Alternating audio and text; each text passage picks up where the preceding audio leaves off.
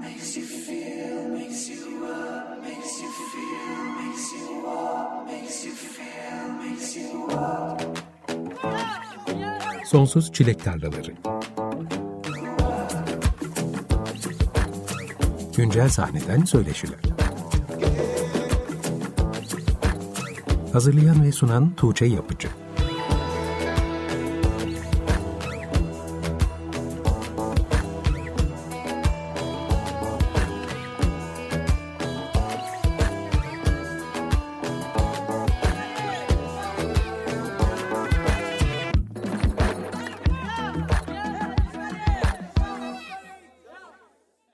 95.0 Açık Radyo'da Sonsuz Çilek Tarlaları programından herkese merhaba. Ben Tuğçe Yapıcı. Geçen hafta bağımsız bir oluşum ve plak şirketi olan Hexe Müziği konuk almıştım. Bu hafta da Şalgam Records kataloğundan bir seçki dinleyeceğiz. Şalgam'ın son dönem kayıtlarına ve 2013 yılındaki kuruluşundan bu yana çalışmalarına odaklanacağız bu akşam. Şalgam Records'ın kurucusu Ulaş Şalgam bizimle birlikte. Hoş geldin Ulaş.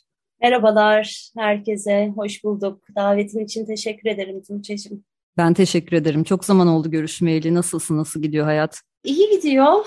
Pandemi sonrası bu sürece adapte olmakla Şalgam Records açısından da bol yayın olan hatta belki kuruluşundan beri en çok yayın olan son iki yılı geçiriyorum. Yoğun bir taraftan işler ama hayat sakin. İyiyim. Evet benim de dikkatimi çekti zaten sanki böyle pandemide daha fazla yayın yaptığın gibi geldi. Bunu da konuşuruz programın ilerleyen dakikalarında. Programın açılışını Şalgam Records kataloğunun son release'lerinden bir parçayla yaptık. Bir süredir işlerini ilgiyle takip ettiğim ve yakın zamanda çalışmalarını Şalgam Records çatısı altında yayınlamaya başlayan Sercan Debelec'in Temmuz ayında yayınlanan Upside Down adlı kaydını dinledik. Sonra sohbete dalıp unutmadan önce bize Sercan'ı biraz tanıtır mısın Ulaş? Tabii. Sercan'la birkaç ay önce tanıştık.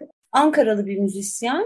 Çocukluğundan itibaren piyano eğitimi almış. Aynı zamanda multi enstrümanist biri başka projelerde de çalıyor. Kendi solo projesi dışında. Daha önce de Şalgam'dan önce yaptığı bir takım release'ler olmuş. Bu Upside Down parçası ile birlikte bir tane daha single için Şalgam Records'la iletişime geçti. Biz de tanıştık, anlaştık. Fikirlerimiz de uyuştu. Ankara'da kurduğu yeni bir kuartetle yayınladığı bir parça bu. Bir sonraki yayınlanacak parçası da çok yakın zamanda yayınlanacak. Ağustos ayı içinde planladık. O da aynı kuartetle yaptığı bir parça ve konserlere başlamayı düşünüyor. Şu an için bu iki release'den sonra sonbahar döneminde de bu kuartetle kendi parçalarını çalacağı bir setle umarım festivallerde ve mekanlarda çalıyor olacak. Umarım sen de dinleyebilirsin canlı bir şekilde. Umarım çok isterim gerçekten. İlgimi çekiyor başından beri yaptığı işler. Az önce dinlediğimiz parçada Onurcan Çağatay, Çağın Akgül ve Ekrem Er Yılmaz'la birlikte kaydettiği bir kuartet işiydi. Ulaş bağımsız sahnede hem menajer olarak hem de Şalgam Records'la bu sahnedeki çoğu insanın tanıdığı bir isimsin ama senin hikayenin en başını sanırım çok iyi bilmiyorum. Aslında bir plak şirketi kurmadan önce senin müzik sektörüyle profesyonel ilişkin menajerliğe dayanıyordu sanırım. Menajerlik alanındaki çalışmaların ne zaman hangi sanatçılarla başlamıştı ve hangi noktada bir plak şirketi kurma aşamasına evrildi? Ee, şöyle uzun hikaye olacak. Ben müzik sektöründe ilk çalışmaya İngiltere kökenli bir booking ajansında Türkiye'deki müzikleri keşfetmek ve bunları yurt dışına book etmek üzere oluşturulan mini bir departmanda Charmenko isimli şirkette başladım 2010 yılında. Bu maceram bayağı kısa sürdü herhalde bir 7-8 ay falan çalışmışımdır Charmenko'da. Ama o sırada keşfettiğim bir takım müzik grupları oldu Türkiye'de bağımsız sahneden bir takım değil bir aslında.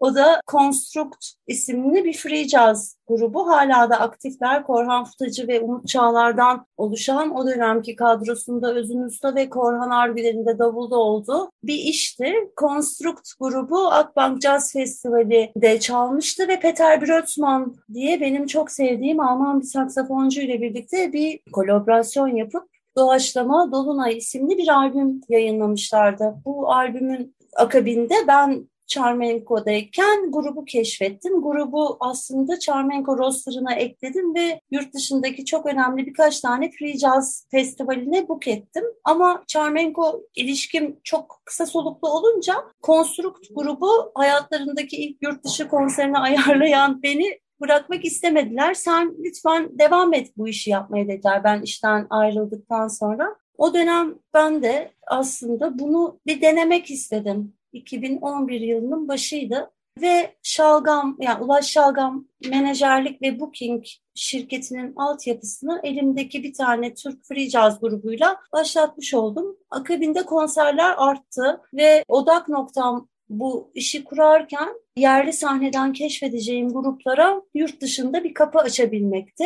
O süreçte hızlı bir şekilde seni görmem imkansız, Replikas, Gevende, Ayyuka, Kafa Bin Dünya gibi gruplar bir 6 ay içerisinde aslında benim iletişime geçtiğim ya da benimle iletişime geçip çalışmak isteyen gruplar arasındaydı.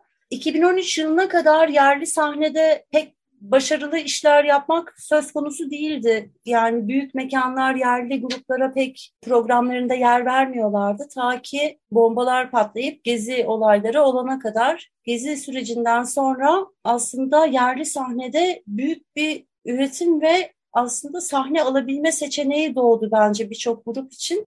O süreçte gruplar değişti, çalıştığım gruplar başka seçenekler çıkmaya başladı. Yani ben hep grupları Türkiye'den yurt dışına konser vermek için götürecekken aslında menajerlik yapmanın ya da booking yapmanın bir grubun kariyerinde ilk önce bir plak şirketi ayarlamak, onların tanıtımını yapmak, grubun tanıtımını yapacak malzemenin ortaya çıkması falan gibi zincirleme bir sürü ayağı olan bir iş olduğundan dolayı Türkiye'ye gelen işte dijital mağazaların Spotify ve iTunes 2015'e kadar plak şirketi deal yapmak için yani gruplarla plak şirketini ayarlamak için bayağı problem yaşıyorduk ve label bulamıyorduk. Çünkü sadece mainstream label'lar vardı, büyük label'lar Türkiye'de ve alternatif müzik gruplarına çok fazla göz kırpmıyorlardı. O zaman da Şalgam Records'ın ilk fikri ortaya çıktı menajerliğini yaptığım bir grubun plak şirketi arayışından ortaya çıkarak süreç böyle ilerledi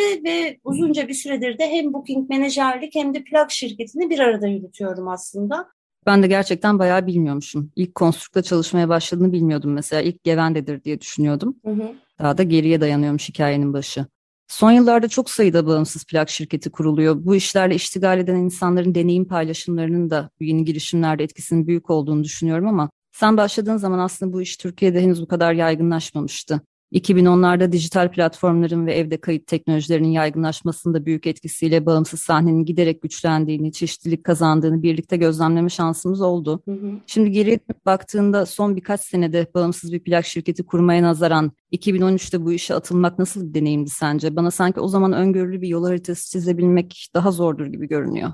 Ee, şöyle kafamda net olan şeyler vardı albüm yayınlamak ve dağıtmakla alakalı. Plak şirketini kurmadan önce fikir olarak düşünürken durumu önce altyapısını kurmaya çalıştım. Bu zorlu bir süreçti çünkü No Name sadece önünde yapmayı planladığı bir birkaç release planı olan birisiydim. Bu adım adım ilerlemeye çalıştığım ve altyapıyı oluşturmaya çalıştığım şeylerden biri dijital dağıtım ki dijital dağıtım o zaman streaming servisleri tam olarak Türkiye'ye gelmediği için e, zordu ama ben çocukluğumdan beri plak biriktiririm. Plaktan müzik dinlemeyi severim. Plak basmak istiyordum. Yani plak şirketi dediğim plak bassın o zaman gibi bir fikrim vardı ama plağı nasıl dağıtacaksın?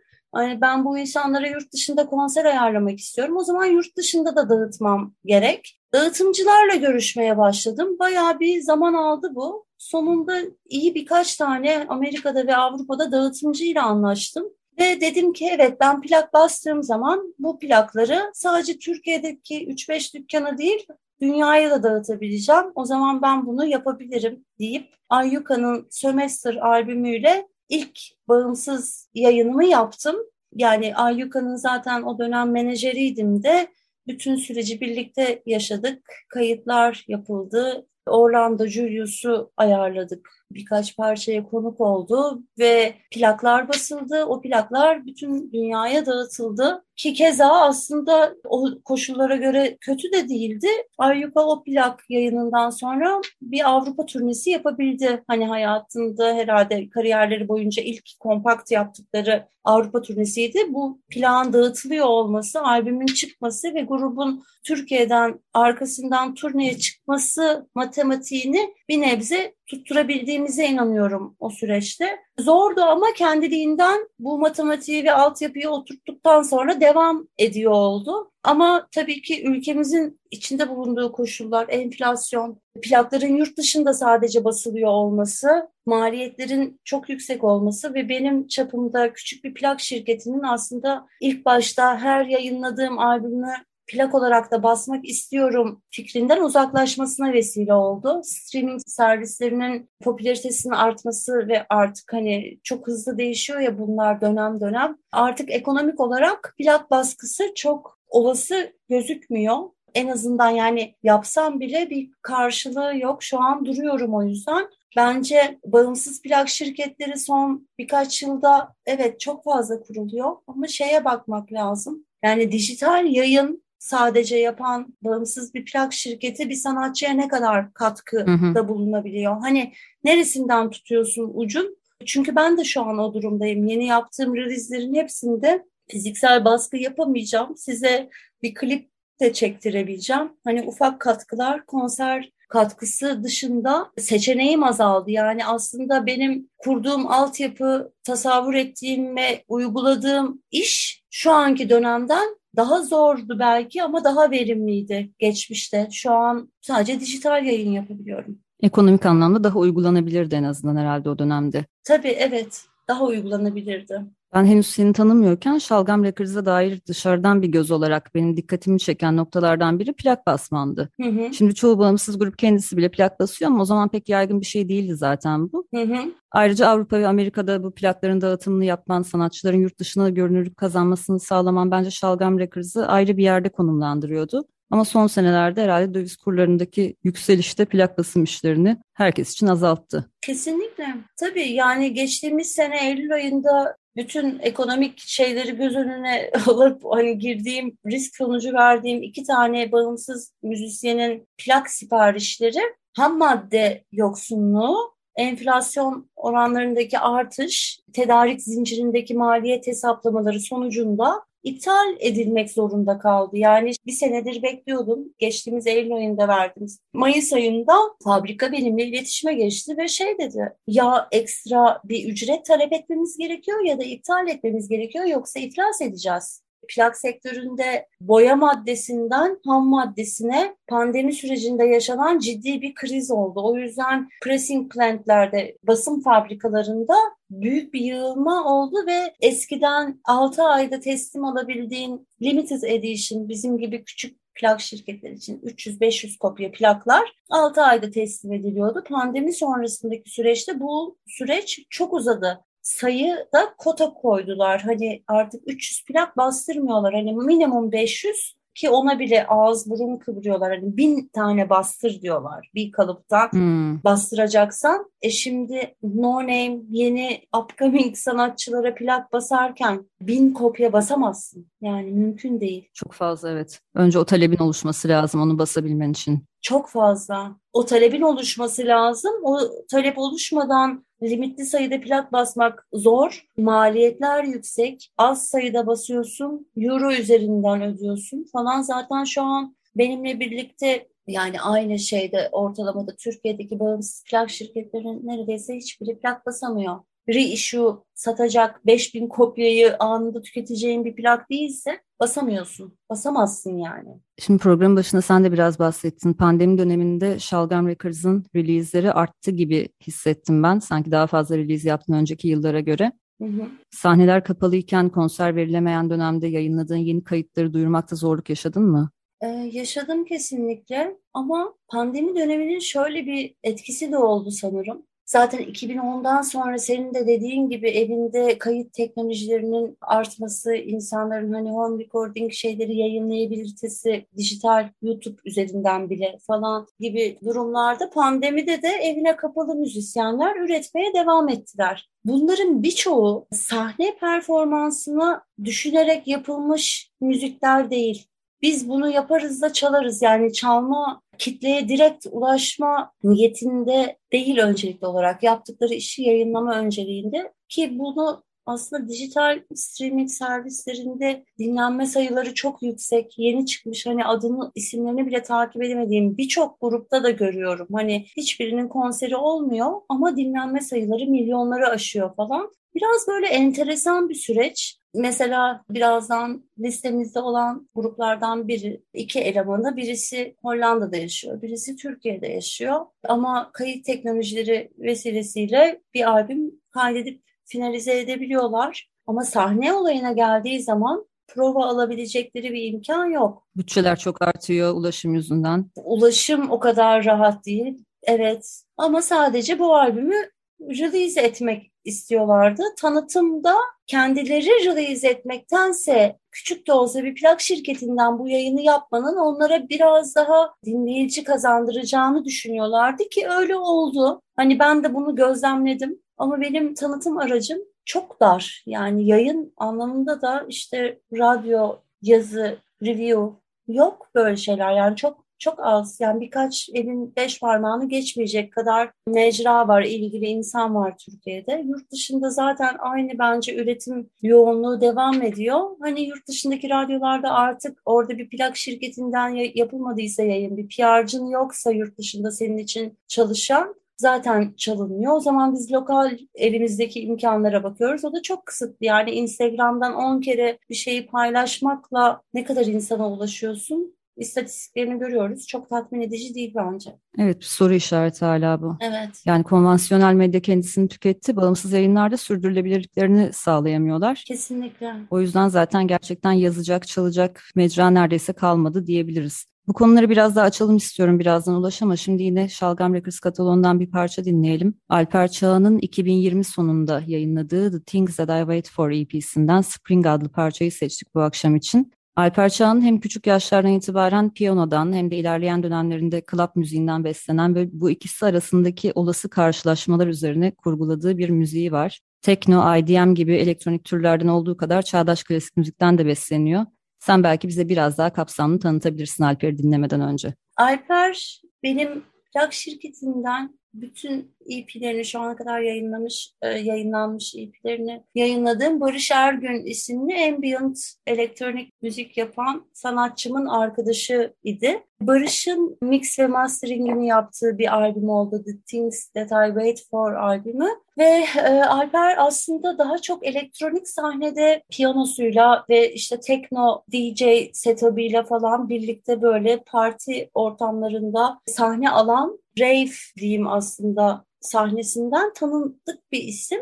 Albümü ilk yayınladığı iş solo olarak okuldan da yeni mezun olmuştu o süreçte hatırladığım kadarıyla. Çok sevdiğim bir iş. Gerçekten pandemide geldiği zaman böyle çok mutlu oldum. Alper'i de gerçekten çok iyi anlaşıyoruz ve çok seviyorum. Umarım hani ileride de üretmeye devam edeceğini umuyorum. Sadece çok ters bir zamana denk geldi albüm yayını. Yoksa kısıtlı da olsa birkaç tane elektronik müzik festivalinde Alper'in çalması gibi planlarımız vardı ama maalesef o dönemde gerçekleşemedi.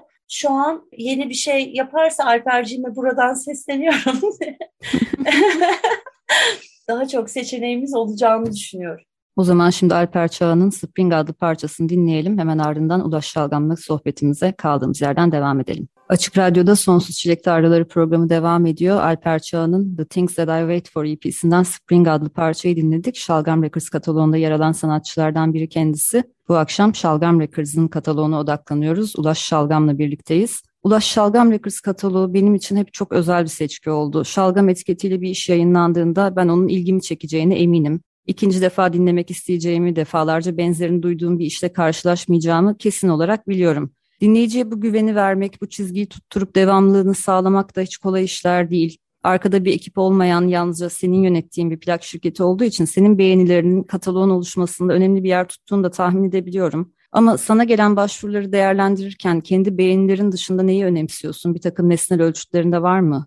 Var ama öncelikli olarak sanırım yani beğenmediğim bir şey olduğu zaman nesnel ölçütler işlemiyor sanırım. Uyguladığım tek nesnel ölçüt plak şirketine ilk kurduğum zamanlar sadece menajerliğini yaptığım gruplara hizmet eden bir plak şirketi imajını istemedim. O dönemde çok nadir demo geliyordu. İşte zaten süreçten bahsettik. Koşulların zorluğu ve kısıtlılığı sebebiyle o dönem yayın için gelen, hani bana ulaşan bazı işleri estetik olarak yani dinlemeyeceğim bir müzik değil ama performe edilebilir, sahne hmm. bulabiliriz bu gruba falan gibi bir takım nesnel ölçütlerle çok fanı olmasam da yayınladığım oldu. Hmm. Kataloğu genişletmek ve yeni oluşan bir gruba aslında destek olmak ve destek olabileceğim benim beğenim dışında da bir takım kriterlerin olduğunu görmek için ama genel olarak şu an çok fazla demo geliyor. Onları ayıklarken evet dinleyebileceğim şeyleri seçmeye çalışıyorum.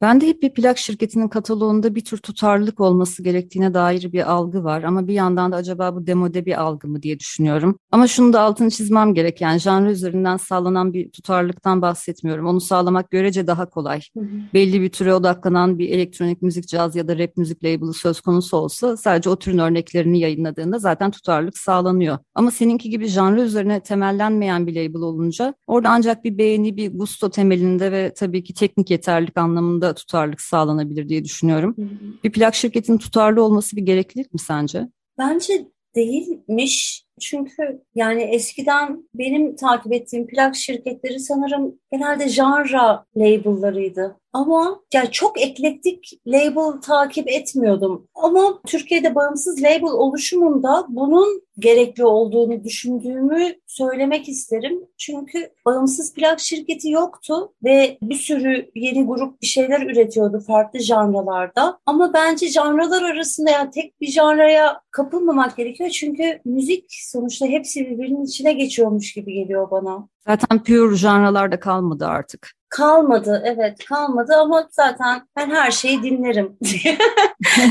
Gerçekten hani bir free jazz albümüyle punk albümü çok iç içe geçiyor olabilir. Bilmiyorum yani bunun çok fazla örneği var. Playlist yaparken hani bir DJ set yaparken de sadece tek bir janrının müziğini çalmayabilirsin. Hani bir şeyden başlarsın, o geçer, dalgalanır, bir yerde son bulur falan bir hikaye anlatımı gibi. Plak şirketim içinde öyle bakmaya çalıştım. Aslında benim söylemeye çalıştığım ya da hani tutarlı olmaya çalıştığım yere neresinden bir şey katıyor. Çünkü mesela son yayınladığım işlerden biri aslında hip hop diyebileceğimiz bir iş. Ama daha önce hiç hip hop yayınlamamıştım ben. Ambient var, rock var, funk var, indie rock var, o var, bu var ama hip hop yoktu ama bence mesela kataloğa çok güzel bir yerinden oturdu diye düşünüyorum o iş. Sanırım çalacağız. Evet birazdan dinleyeceğiz. Şimdilik sürpriz olarak kalsın. Aynen. Türkiye'de plak şirketleri üzerinden yeni müzik takip etme alışkanlığının yaygın olmadığını gözlemliyorum. Böyle bir kültürün olmadığını bile söyleyebiliriz sanırım. Çoğunlukla müzik sahnesinin bir şekilde içinde bulunan dinleyiciler bir plak şirketinin yeni release'lerini takibe alıyorlar. O yüzden de oldukça niş bir dinleyici eğilimi olarak kalıyor. Aslında çok da verimli bir yeni müzik takip etme yöntemi ama buna rağmen pek tercih edilmiyor. Hı hı. Bunda Türkiye'de tutarlı yayın yapan bağımsız plak şirketlerinin sayıca azlığı etken olabilir mi diye düşünüyorum. Sence neden bu kültür burada yerleşmedi? Şeyden dolayı diye düşünüyorum. Hani Türkiye'de grup müziği, müzik üretimi darbe sonrası bir sekteye uğradı ve aslında gazinolarda orada burada devletin izin verdiği mecralarda insanların yayın yapabildiği bir şekilde 90'lara kadar geldi. 90'larda underground kültürü, barlarda, yeraltı sahnelerinde çıkan gruplar nereden release yapacaklarını bilmiyorlardı. Hani o dönem albüm yayınlayan gruplar çok mainstream bir takım label'lardan yayınladılar işlerini. Ama o label'ların kataloğuna baktığın zaman beş benzemez gibi hani bir tutarlılık söz konusu değil. Hani o dönem o popüler haydi alalım kataloğa gibi bir yaklaşım var. Şimdi genç insanlarda label takip etmek bazıları dışında genel olarak hani halk müziği, world müzik falan dinlemiyorsan özgün müzik gibi o dönem 90'larda pop da yayınlayan, onu da yayınlayan ama Peyote'de çıkan bir rock grubunu da yayınlayan büyük label'ları takip etmen gerekiyordu. Ama label'ı takip ederek ulaşabileceğin de çok bir nokta yok. Sahneden, konserden ulaşıyordun o gruplara. Sonrasında da zaten 2000'lerde bence lokal sahneye bakmaktansa yurt dışına bakar oldu insanlar ulaşılabilirlikle birlikte hani hı hı. yurt dışındaki albümlere kaset çektirmekten ziyade yine bir sekteye uğradı. E 2010'larda da hani iki tane bağımsız label kurulmuş. Ha kesin birbirine benziyordur bunlar gibi bir ön yargı var. Ben bilmiyorum bağımsız kurulan plak şirketleri çok spesifik genre label'ları vardı. Evet kalan müzik, ada müzik gibi. Aynen ama bir ön yargı diye düşünüyorum yani şey zamanla da aşılacaktır sonuçta 70 sene arkadan takip ediyoruz uluslararası olan olayları. Bir noktada 50 sene sonra falan bizim çocuklarımız evlatlarımız bakacaklardır. Aa aslında işte şalgamdan da şunlar çıktı o zaman çok iyi falan işte tantanadan böyle hekseden şöyle falan diye.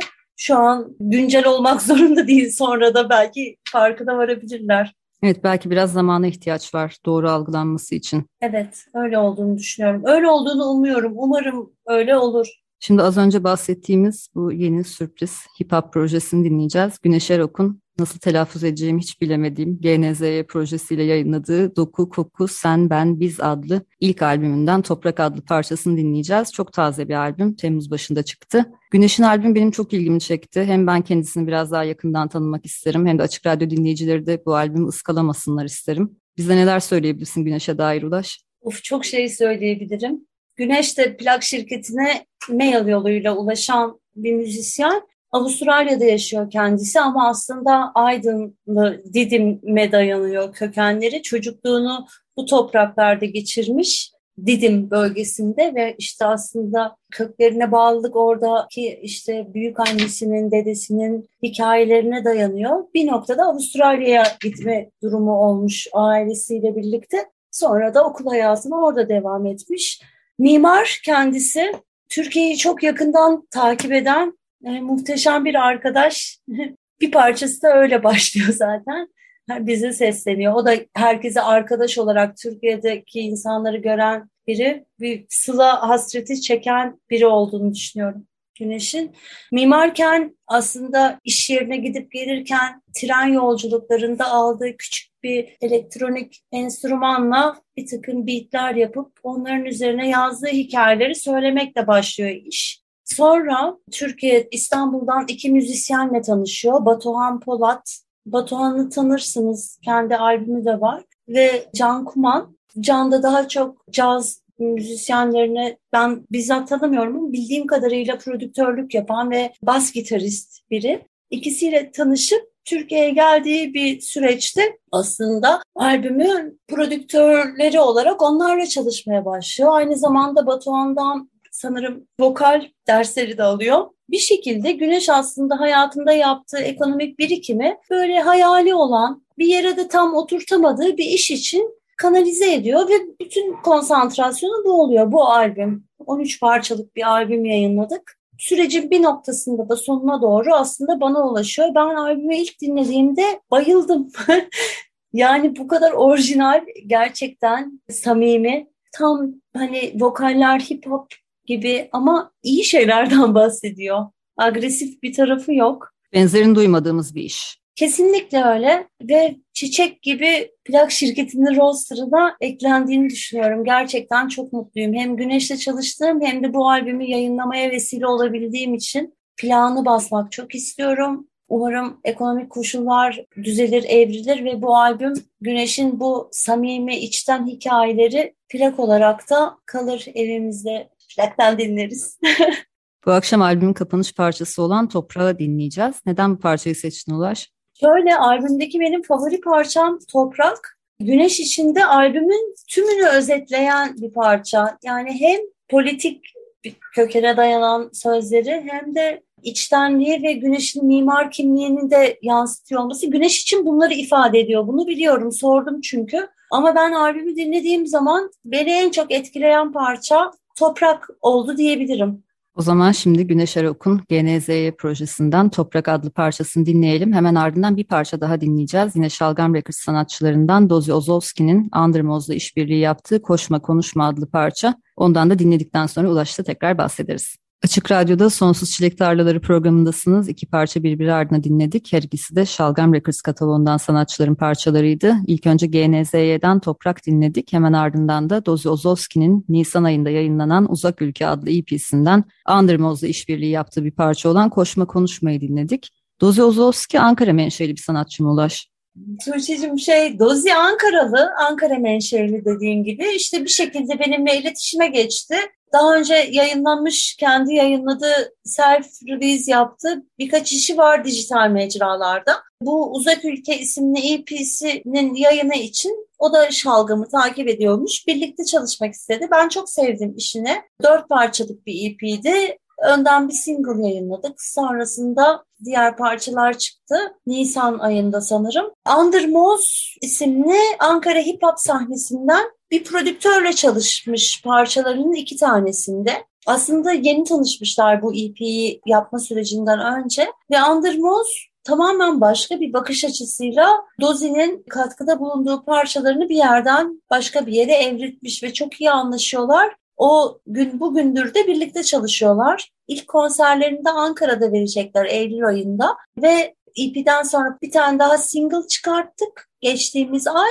Bir single'da iki gün önce yayınlandı. İkinci single'dan sonra Eylül başı gibi konserlerine başlamayı düşünüyoruz. Dört kişilik bir kadroyla sahneye çıkacaklar. Genç bir müzisyen, multi enstrümanist, Vokal eğitimi de alıyor ayrıca ve birlikte güzel şeyler yapabileceğimize inanıyoruz. Ayrıca bir arkadaş olarak da çok seviyorum kendisini. Ankara'ya gittiğimde kahvesini içmeden hiçbir yere ayrılmam.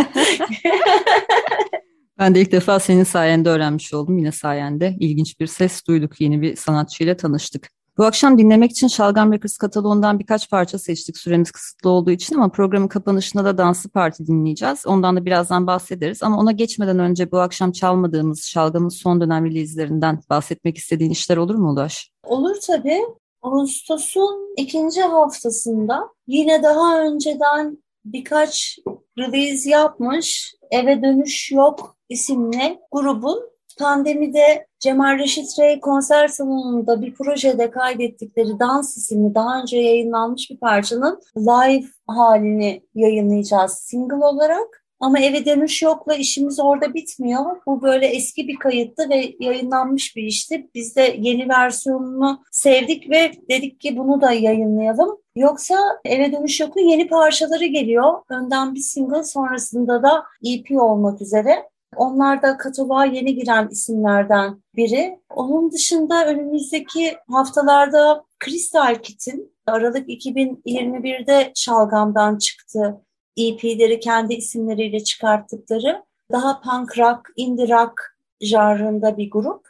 Crystal Kit'in EP'sinden sonra iki tane de konseri oldu. Hatta Salon İKSV'nin açılış konserinde benim bookinglerini yaptığım diğer bir kit e, Sebastian grubuyla kitleri birbirine yapıştırıp ön grup, arka grup güzel bir açılış gecesi yaşadık. Sonra da bir konserde Blind'da verdiler. Crystal Kit çok genç, çok dinamik, heyecanlı bir grup ve üretime tam gaz devam ediyorlar. Onların da konserleri sonbahar itibariyle tekrar hızlanacak. Onun dışında Crystal Kit'ten hemen önce benim yıllardır hayranı olduğum müthiş gitarist Efe'nin Efe Demirel'in triosuyla yaptığı Kolaj isimli albümü yayınladık. Efe ile yıllardır hani tanışırız ve gerçekten ben çok severim kendisini. Uyku Pansiyon albümüne bayılırdım ve benimle çalışmak istediği için kıvanç duydum. Pandemide bana bahsetti bu albümden. Bütün süreç tam dirsek temasıyla birlikte çalıştık. Efe'nin de konserleri bir tane bir küçük konser yaptı ama Ekim ayı ile birlikte başlayacak diyebiliriz trio albümünün konserleri. Yakında olacak bir rizden daha bahsetmek istiyorum. O da Cantan. Cantan'ın tamamen Güney Amerika sounduyla yaptığı enstrümantal Imaginary Things, Strange Creatures. İngilizce isim koymuştu ilk önce albüme. Bunu Türkçe'ye çevirdik. Hayali Yaratıklar ve Tuhaf Varlıklar isimli Bossa Nova, Kumbia, bütün Güney Amerika kökenlerinden nereden beslendiyse Can sanki Güney Amerikalıymış, şey Uruguay'dan Türkiye'ye gelmiş gibi anlatıyorum ama değil. Esinlendiği albümü yayınlanacak. Tam tarihini belirlemedik ama Ağustos ayı içerisinde. Yeni release'lerin haberlerini senden almak güzel oldu. Bu akşam Efe Demiral'ın kolaj albümünden bir parça çalmadık ama aslında onu ben zaten konuk etmiştim albüm çıktığı zaman. Etraflı bir şekilde konuşmuştuk albümü, parçalar dinlemiştik. Eğer henüz dinlemediyseniz ona da mutlaka göz atmanızı, kulak vermenizi tavsiye ederim. Çünkü senenin önemli işlerinden biri olduğunu düşünüyorum kolaj albümünün.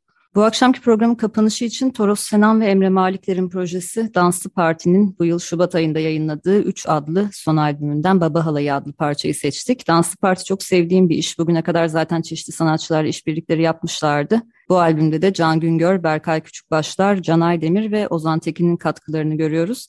Bayağı yıldız bir kadronun elinden çıkmış albüm. Baba Halayı'nı dinlemeden önce Danslı Parti'ye dair senin yorumlarını da alalım isterim Ulaş. Danslı Parti benim takip ettiğim ve sevdiğim bir gruptu. Emre yakın arkadaşım Türkiye'de yaşadığı için. Toros'u da çok eskiden tanıyordum aslında İstanbul'da olduğu yıllardan 2010 senesinden birlikte birkaç konser yapmıştık. O zamanlar ses teknisyenliği yapıyordu. Toros yurt dışına gittikten sonra iletişimimiz yoktu artık ama Danslı Parti'nin daha önce yayınlanan işlerini kendileri self-release olarak yayınlamışlar. Üçüncü albümleri için bana ulaştılar ve benimle çalışmak istedikleri söylediklerinde gerçekten çok mutlu oldum. Mükemmel bir albüm ve ilk dinlediğim anı unutamayacağım. Gerçekten uzun bir yolda gidiyordum. Dedim ki ne kadar şanslıyım benimle çalışmak istedikleri için. Emre ve Toros farklı şehirlerde yaşıyorlar. Tiyosunu programın başında vermiştim. Biri Hollanda'da, biri İstanbul'da. Bu üçüncü albümü pandemi sürecinde kaydetmişler uzak ara birbirlerini görmeden. Ve Baba Halayı isimli parçayı sen seçtin. Çok güzel bir seçim. Toros İstanbul'a geldiği zaman hakkında konuşma fırsatımız olmuştu.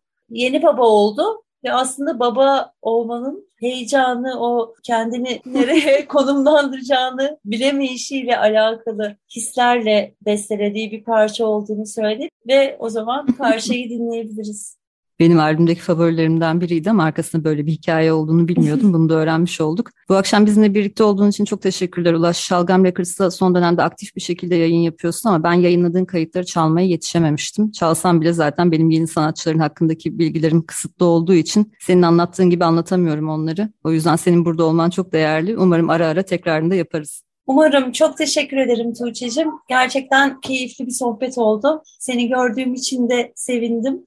Keyifli dinlemeler herkese o zaman. Ben Şalgam Records'ın yayınlarını takip etmeye devam edeceğim. Buradan da plak şirketinin tüm sanatçılarına sevgilerimizi gönderelim. Bu haftalıkta Sonsuz Çilek Tarlalarının sonuna geldik. Bu akşam Ulaş Şalgam'la Şalgam Records'ı konuştuk ve label'ın kataloğundan bir seçki dinledik. Sanatçıların daha yakından tanıma şansına eriştik. Daha önce de söyledim ama bir defa daha söylemek istiyorum. Şalgam Records'ın kataloğu bence çok özel bir katalog. Kendinizi iyi bir müzik dinleyicisi olarak tanımlıyorsanız ve gerçekten yeni sesler keşfetmek istiyorsanız mutlaka takibi alın derim. İki haftadır bağımsız plak şirketleriyle birlikteyiz. Gelecek hafta bir sanatçı konuğum olacak. İkinci albümünün Curse Part 1 adlı ilk bölümünü yayınlayan Bahr grubuyla birlikte olacağız. Gelecek pazartesi saat 20'de görüşünceye kadar hoşçakalın.